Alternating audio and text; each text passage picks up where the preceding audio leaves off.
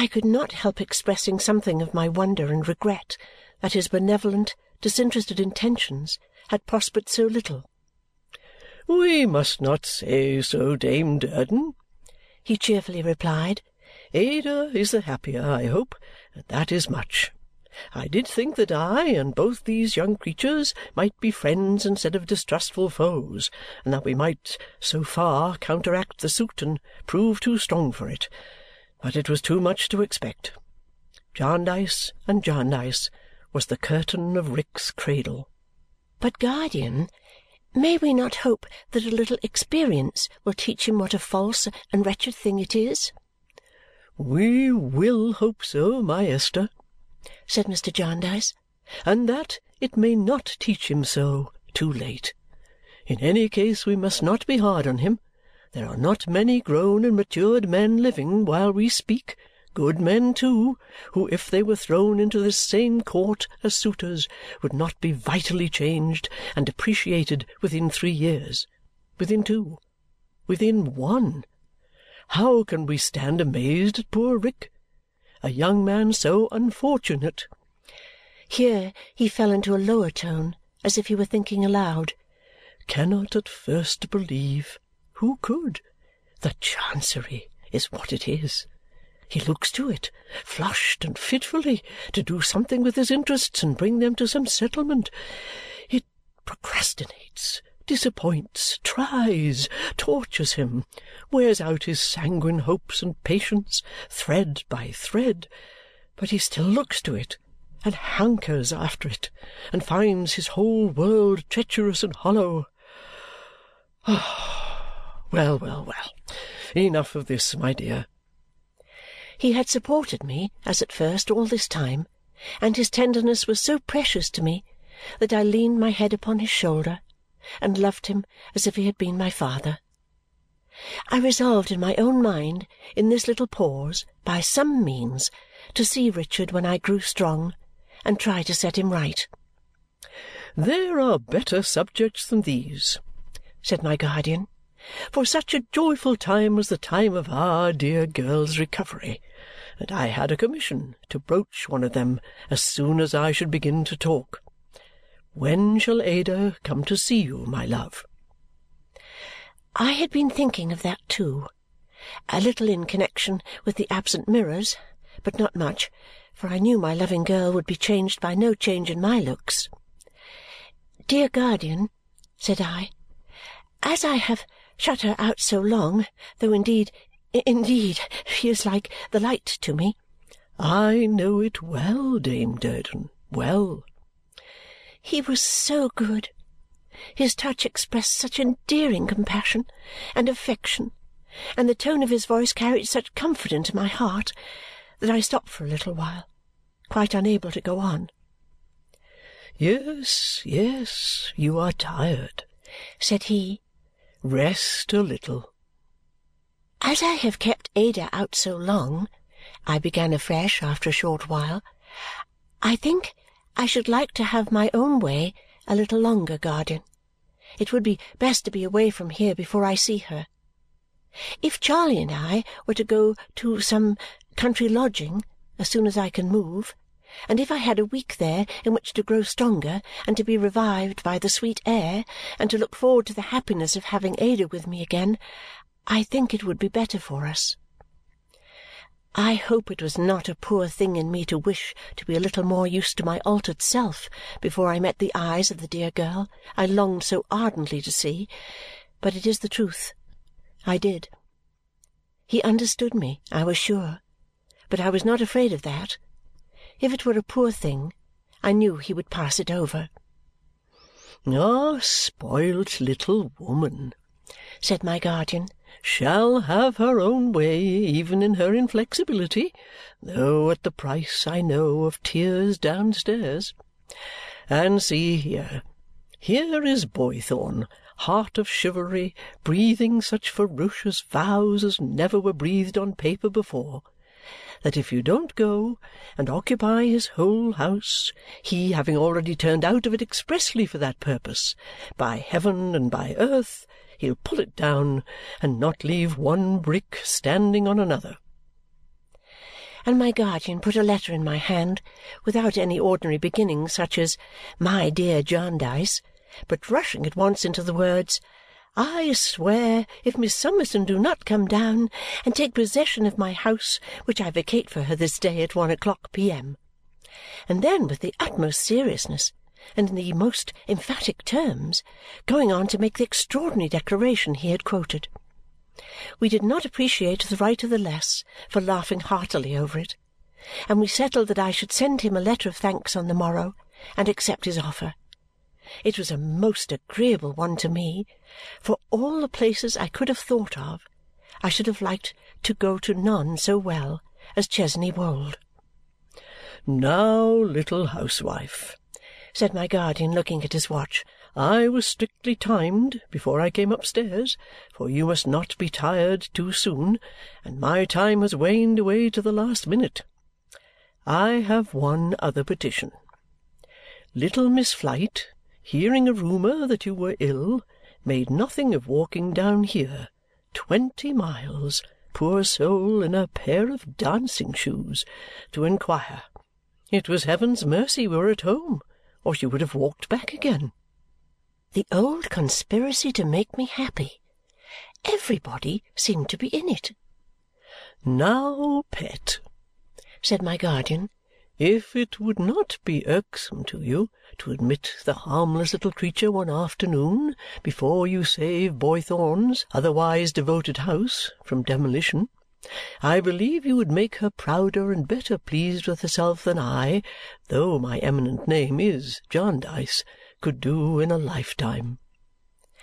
I have no doubt he knew there would be something in the simple image of the poor afflicted creature that would fall like a gentle lesson on my mind at that time. I felt it as he spoke to me. I could not tell him heartily enough how ready I was to receive her. I had always pitied her, never so much as now. I had always been glad of my little power to soothe her under her calamity, but never, never half so glad before. We arranged a time for Miss Flite to come out by the coach and share my early dinner.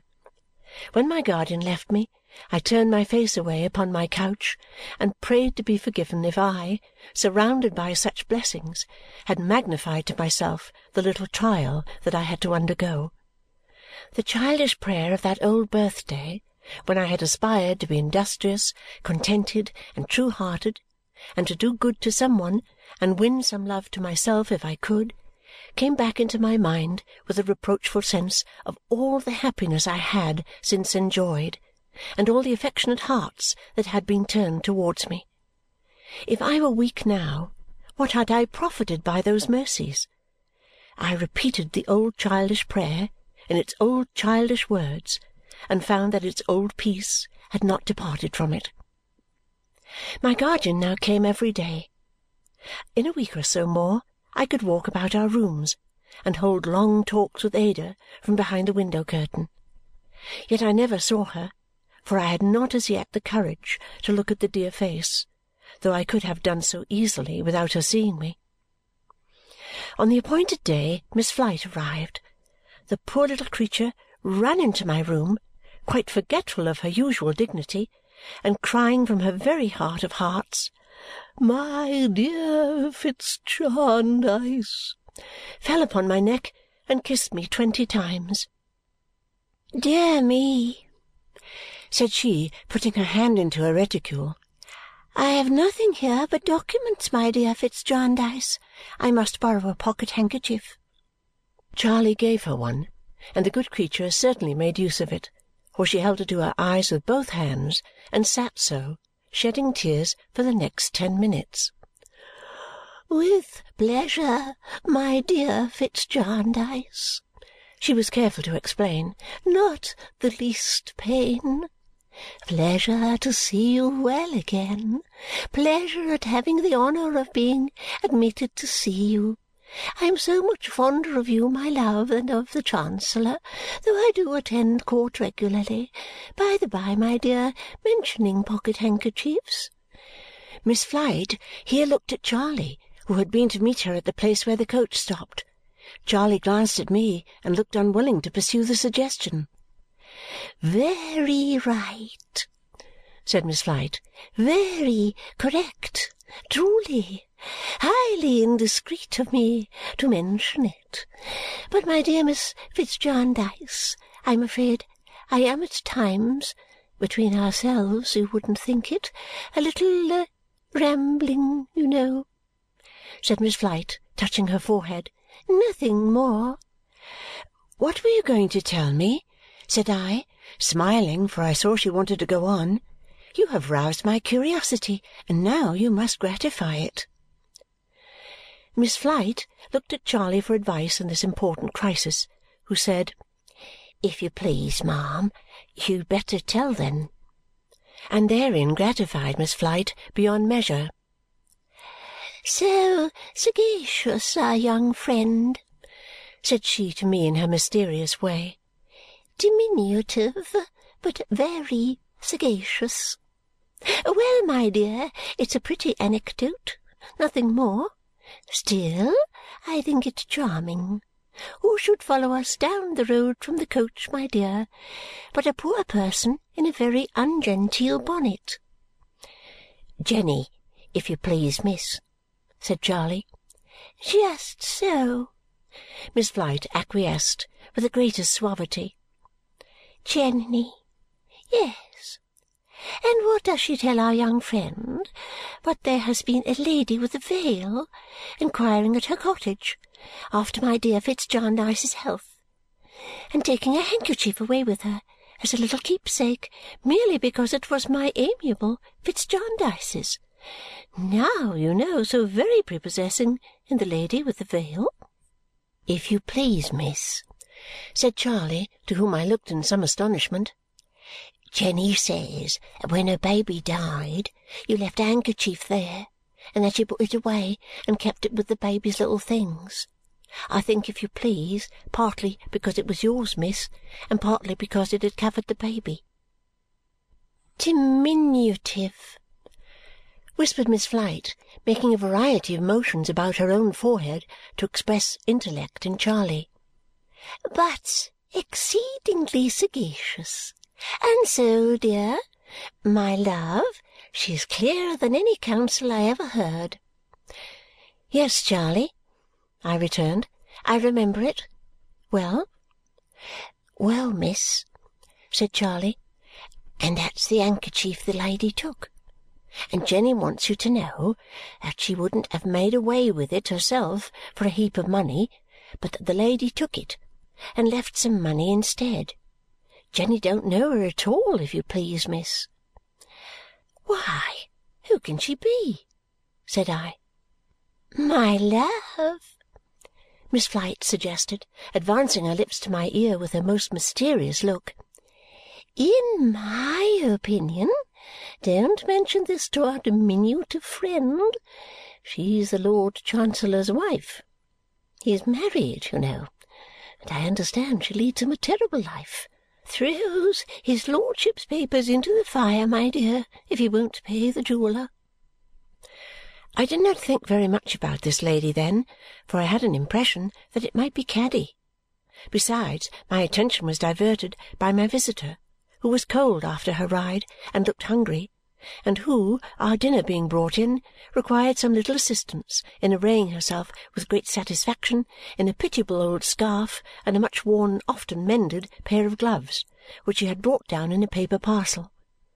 I had to preside, too, over the entertainment, consisting of a dish of fish, a roast fowl, a sweetbread, vegetables, pudding, and Madeira, and it was so pleasant to see how she enjoyed it and with what state and ceremony she did honour to it that I was soon thinking of nothing else.